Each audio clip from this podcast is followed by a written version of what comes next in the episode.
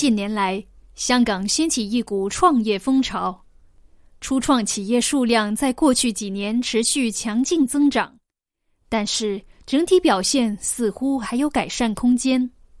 因此，香港贸发局经贸研究在二零二零年中向本地初创企业进行问卷调查和深度访谈，了解香港初创生态系统的发展趋势和表现。研究深入探讨了各项创业要素的优势和缺点，包括资金、市场、政府政策以及粤港澳大湾区的机遇和挑战。调查结果显示，本地初创企业的创业资金有几十万到几百万元不等。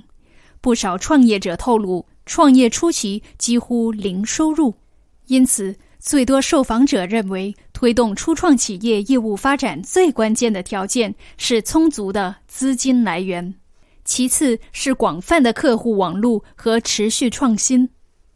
由此可见，创业资金充足是创立企业的首要条件。受访者普遍认同，近年来香港政府对本地初创企业的支持有所增加，对政府提供的资金帮助感到满意。但是，受访者认为资助申请审批过程过于繁复和费时，初创企业不一定有充足的资源应对。希望政府可以进一步简化申请程序和缩短申请时间。市场进入便利度方面，受访者最欣赏香港联系海外市场的能力。初创企业可以通过本地创业培训计划联系海外买家和投资者。本地市场同时也是测试新产品和新服务的理想基地。有生物科技企业表示，标榜香港制造的医疗保健产品有助品牌获得海外客户的信心。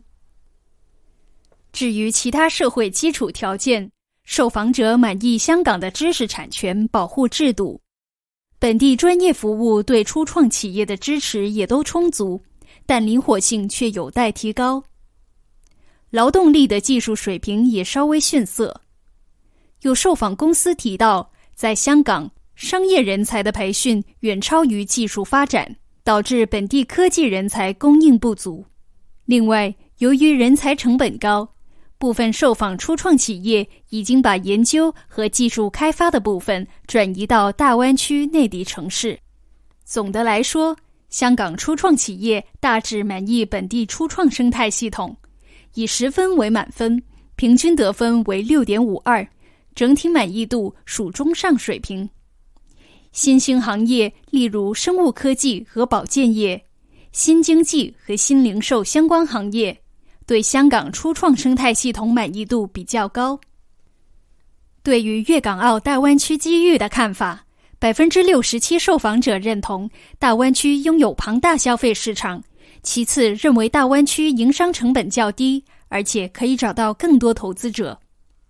不过，拓展大湾区市场仍然存在困难。百分之四十三受访者认为，内地的体制与香港有差异，港资企业需要投入额外的资源来了解和配合内地的商业实务和作业流程。初创企业往往因为资源有限而止步。受访者也担心市场环境的不确定性、文化差异等问题，以及市场透明度不足，这些都会阻碍他们的拓展计划。过去两年，香港政府制定政策，积极协助香港初创企业进驻大湾区。不过，问卷调查中只有百分之十四受访者认为目前市场具备有利的政策。反映现阶段企业的需要跟政府政策可能出现错配。相对于金钱上的支持，香港初创企业更期望粤港澳三地在制度上的融合。